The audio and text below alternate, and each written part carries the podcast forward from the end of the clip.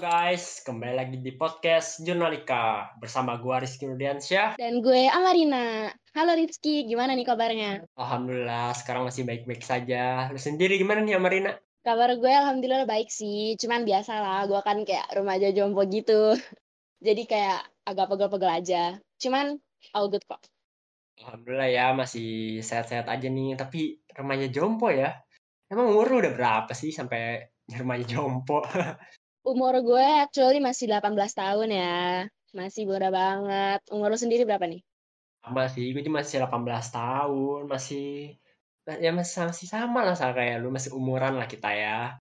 Tapi umur 18 tahun sih kayak udah dewasa gak sih? Nggak kayak pas kita masih 15 atau 16 tahun, kita gue, gue ngerasa masih gue ngerasa kita masih bocah gak sih? Kayak pas umur, segitu, masih SMA juga kita. Sekarang tuh kita umur 18 tahun tuh udah punya KTP sendiri, ngurus ngurus itu apa-apa gampang kayaknya ya nggak perlu bobo kakak lagi. Oh iya nih, menurut lu masa-masa dewasa gimana sih? Kita kan udah umur 18 tahun ya, udah udah masuk dewasa lah. Menurut lu gimana nih masa-masa dewasa kita saat ini? Jujur beda banget sama masa remaja sih. Soalnya kayak pas SMA aja nih kita kayak hahihi main sana sini ngalor ngidul uas tau bagi rapor tau lulus. Di kuliah apa ya? Nggak ada tuh acara hahihi main sana sini ngalor ngidul sana sini. Kayak dikit-dikit tugas dikit-dikit ngejar deadline dikit-dikit buka laptop bangun ngezoom sebelum tidur ngezoom. Sedih sih capek Wah bener banget sih, sama kayak gue, gue juga capek gitu kan, udah kuliah, aduh, sangat capek. Tapi ngomong-ngomong tentang dewasa nih, pas banget nih sama kayak tema kita pada podcast kali ini yaitu takut dewasa. Nah, ngomongin tentang dewasa boleh kali ya kita flashback flashback dulu ke masa pas kita SMA nih, pas masa-masa kita masih bocah lah ya, masih awal-awal transisi ke masa-masa kuliah atau dewasa. Nah, masa SMA lu gimana sih? masa SMA gue tuh bisa dibilang apa ya? Kayak kata orang-orang aja sih masa masa-masa putih abu-abu tuh kayak masa yang paling wah gitu. Soalnya jujur gue selama SMA tuh jadi kayak lebih aktif punya banyak teman terus bisa ngerasain apa ya kehidupan ala-ala wetpad gitu. Seru sih. Palingan kalau ditanya kesulitan sama SMA tuh kesulitannya pas udah di akhir-akhir masa SMA aja kayak zaman-zaman SNM SBM PTN tuh dan kebetulan gue gagal dua-duanya jadi ya gitu deh Wah, sama kayak gue ya. Gue juga gagal nih SNMPTN, SBMPTN. Aduh, emang susah sih ya di SNMPTN, SBMPTN. oh iya ngomongin SNMPTN nih dari kemarin kan scroll Twitter gitu kan. Terus timeline gue tuh tuh udah rame tuh sama isi anak-anak yang udah mulai deg-degan nungguin daftar-daftar siswa yang eligible untuk ikut SNMPTN gak kerasa banget gak sih? Kayak padahal dulu nih dulu tuh kita nih yang deg-degan buat nungguin itu. Gak kerasa aja sekarang udah muncul lagi aja daftar-daftar siswa yang eligible untuk ikut SNMPTN iya gak sih? Iya nih, bener banget. Udah nggak kerasa ya, udah hampir setahun loh ya kita udah mulai kuliah. BTW sebenarnya gue tuh termasuk siswa eligible juga sih pas SMA. Gue gue juga nggak kaget gitu. Ternyata gue bisa masuk bisa ikut SNMPTN tuh gue kaget. Pas masa SMA tuh kayak padahal pas kelas 10, kelas 11-nya gitu main-main aja, nggak terlalu peduli dengan nilai. Ah, yang penting mah di atas KKM. Tapi tidak nyangka ya, ternyata gue bisa ikut SNMPTN jadi siswa eligible untuk uh, dari sekian banyak murid sangat tidak menyangka loh gue tapi ya sayangnya ya di SNMPTN gue salah memilih universitas. Gue malah milih universitas universitas terkenal dengan nilai gue yang agak rada-rada ya. Duh sayang sih ya. Bisa dipastikan gue gagal sih saat itu. Lu gimana nih? Lu termasuk siswa eligible juga gak nih pas SMA Marina jadi sesuai eligible juga sih. Kayak senang aja. But kayak kinda surprise. Soalnya dulu dari kelas 10 semester 2 gue tuh udah kayak memutuskan buat lijur gitu. Jadi kayak memang belajarnya lebih condong ke soshum. Terus tiba-tiba dapat gue masuk gitu ke dalam siswa eligible kayak wah keren. Kayak gitu aja sih. Gitu. Oh iya ngomongin SNM nih. Kayaknya nggak afdol banget gak sih kalau misal kita gak ngomongin SBM kayak bisa dibilang tuh dunia perambisan SBMPTN tuh dimulai di tahunan kita gitu gak sih? Ya gak sih? Di tahunan kita sama di tahun sebelum kita. Waktu itu gue sempat ikut ambis dalam tanda kutip juga sih ngikut-ngikut anak Twitter. Cuman tetap aja pas ngerjain soal SBM gue ngangong-ngangong. Kalau lu dulu waktu ngerjain soal SBM gimana nih?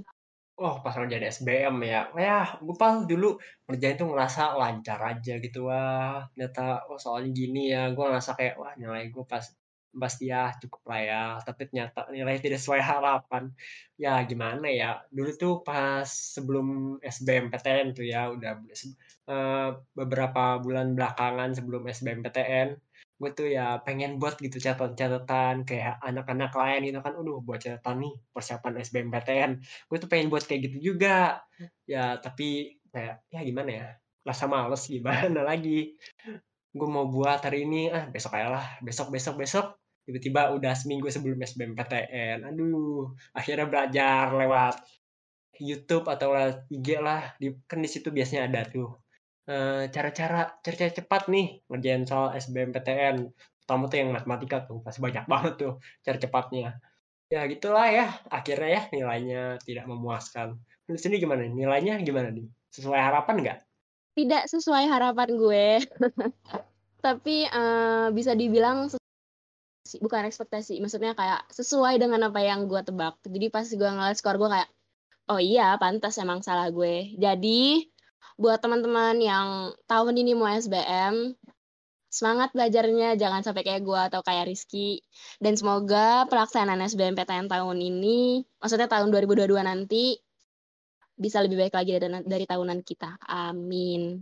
Ya semoga ya. Semoga semuanya lancar lah di SNMPTN SBM PTN tahun ini.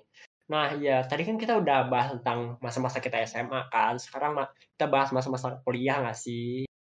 Kita kan kuliah di Politeknik AK nih ya. Gue pengen nanya nih sama lu sama Rina. Lu bisa masuk AK tuh gimana sih? Oh, well, gue kalau ngomongin masalah Politeknik AK Bogor tuh gue udah gak asing lagi. Soalnya ibu gue tuh kebetulan uh, alumni AK gitu kan. Jadi kayak emang dari kecil gue udah familiar. Kalau misal ditanya kenapa bisa masuk AK, ya karena ibu gue yang nyaranin gue masuk situ. Terus juga kebetulan gue SNM, SBM, UTUL, UGM, dan ujian mandiri, SKD standar yang lainnya tuh gue nggak lolos gitu. Dan kebetulan waktu itu tuh Jarvis Jarvis Mandiri, ya Jarvis Mandiri tuh buka, terus akhirnya gue nyoba masuk dan lulus tapi not bad kok. Walaupun awal-awalnya sempat culture shock sendiri sama tradisinya Aka tapi setelah makin ke sini gue jalanin Aka nyaman kok. Oh iya sekarang lu dong yang cerita kenapa lu bisa kuliah di Aka? Wah, aduh, cerita tentang AK ya, bisa masuk AK. Ya dulu sih awal, karena kan, kan gue juga gak lolos di SNMPTN dan SBMPTN ya, ya tahu sendiri tadi gue udah cerita, belajarnya tidak terlalu, tidak terlalu serius, jadi begini. Ya waktu itu gue sebenarnya mau uh, ikut apa sih ujian mandiri gitu kan uh, di PTN-PTN tapi untuk tapi ya gimana gue juga susah belajar kan susah, susah banget tuh belajarnya.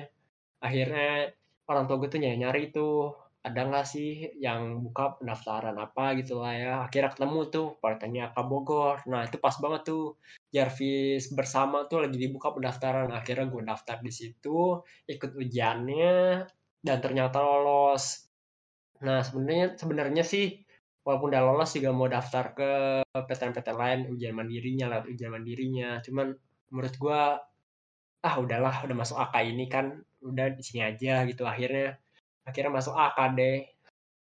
Ya, gitulah pengalaman gue ya.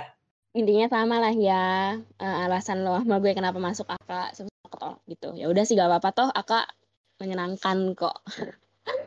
Oke, okay, sekarang kita udah ngerasain dunia kuliah kan berbanding terbalik banget gak sih sama sekarang tuh kayak lebih banyak aja deadline-nya, ya gak sih? Iya nih bener banget, pas udah kuliah tuh kayaknya, aduh banyak tugas banget ya. Kalau kita nggak ngerjain tugas hari ini, kayaknya bakal numpuk banget gitu. Nggak pas kata, kayak si kita SMA gitu kan. Kita bisa ngerjain, ah oh, ini deadline bisa lama, kita kerjain nanti aja. Tapi pas kuliah tuh, aduh ini harus benar-benar kerjain sekarang banget nih soalnya besok besoknya udah pasti ada tugas gitu kan. Apalagi pas awal-awal masuk AK gitu kan, aduh tugas tuh langsung dikasih tugas banyak gitu kan, aduh padahal padahal kan sebelum-sebelum kuliah gitu kan, aduh libur panjang tuh kan ya, nunggu nunggu nunggu SNMPTN, SBMPTN pengumumannya, libur panjang, aduh.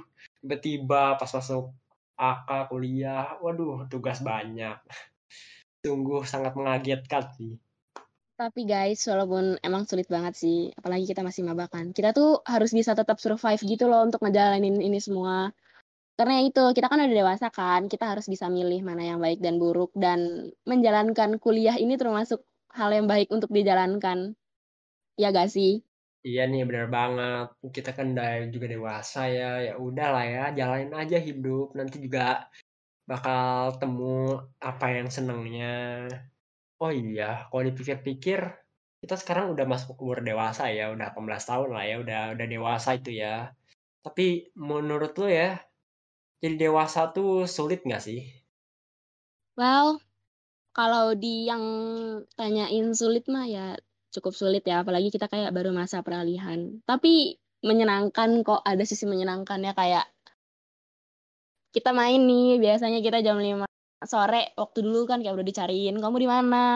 Kalau sekarang kayak jam 7 kayak ya udah bisa main aja. nggak bakal dicariin dan lain sebagainya. Iya nggak sih? Kalau menurut lo gimana? Dewasa tuh asik gak?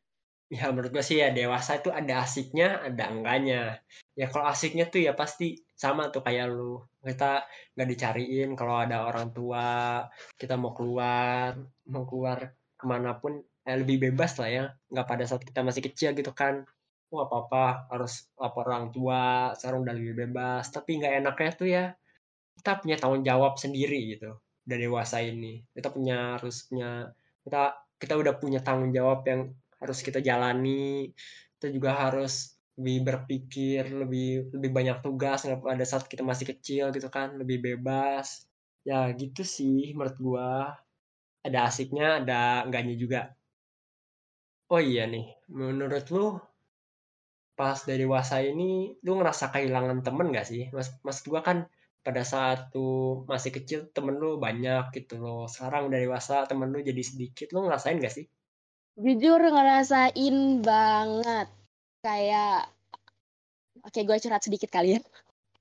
Uh, jadi kita kayak baru berapa tahun kuliah? Gak nyampe setahun kan. Tapi jujur temen gue yang bisa sekarang, yang maksudnya yang teman yang benar-benar teman banget, itu tinggal empat orang. Sedih gak sih?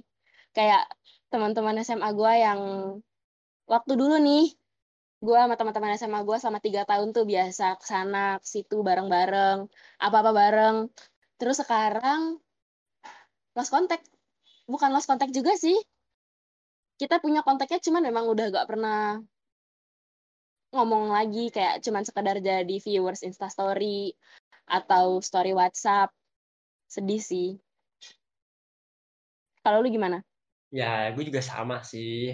Pas SD SMP temen kayak lebih banyak gitu kan kita bebas berteman sama siapa aja. Tapi pas udah kuliah udah gini teman kita tuh jadi teman gue tuh jadi sedikit lebih sedikit gitu kan. Tapi menurut gue sih emang tuh udah pasti terjadi sih ya. Karena emang gimana pun kalau udah dewasa tuh lu harus mulai memilah temen lah yang baik yang mana yang baik yang mana yang buruk. Soalnya kalau lu berteman sama yang orang yang buruk lu bakal ketularan juga kan. Makanya harus milah-milah gitu loh. Jadi jadi ya normal aja teman-teman lu dikit gitu loh.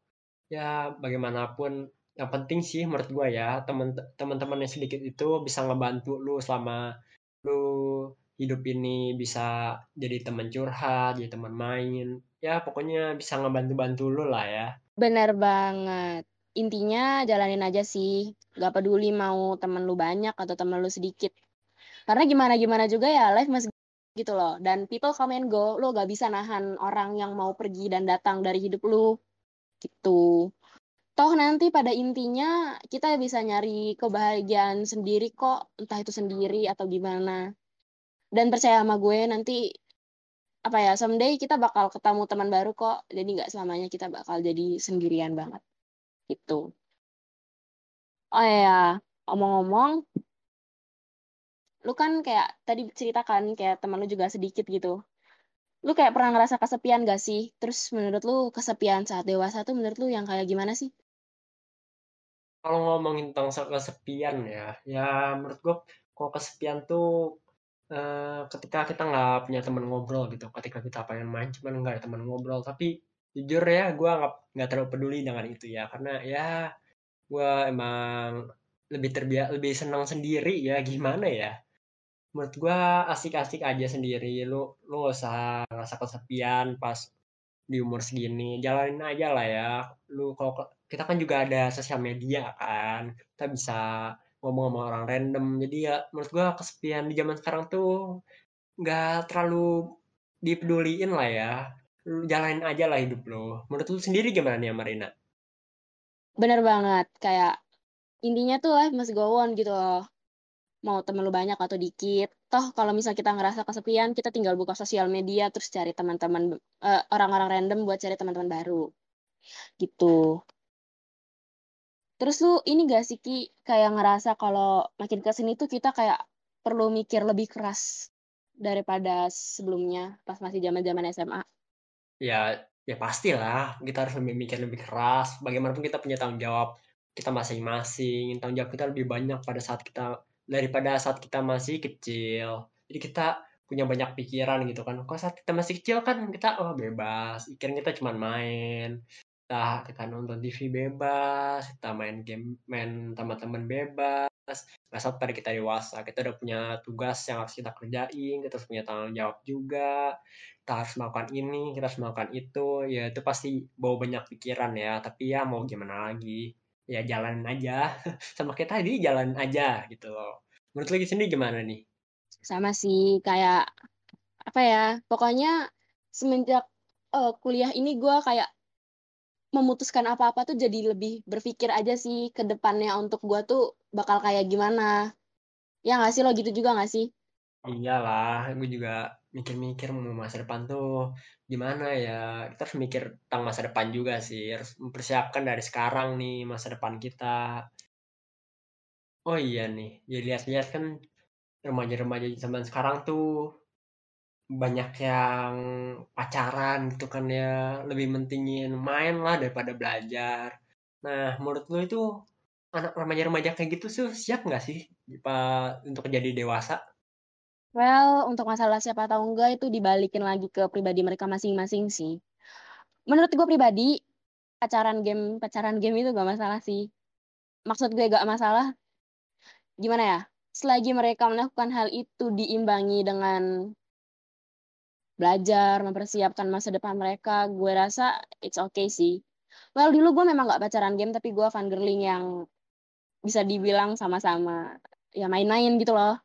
Cuman ya, toh sekarang gue bisa apa ya, bisa punya pola pikir yang lebih dewasa. Intinya, keadaan pasti bisa ngebuat lu jadi dewasa sih.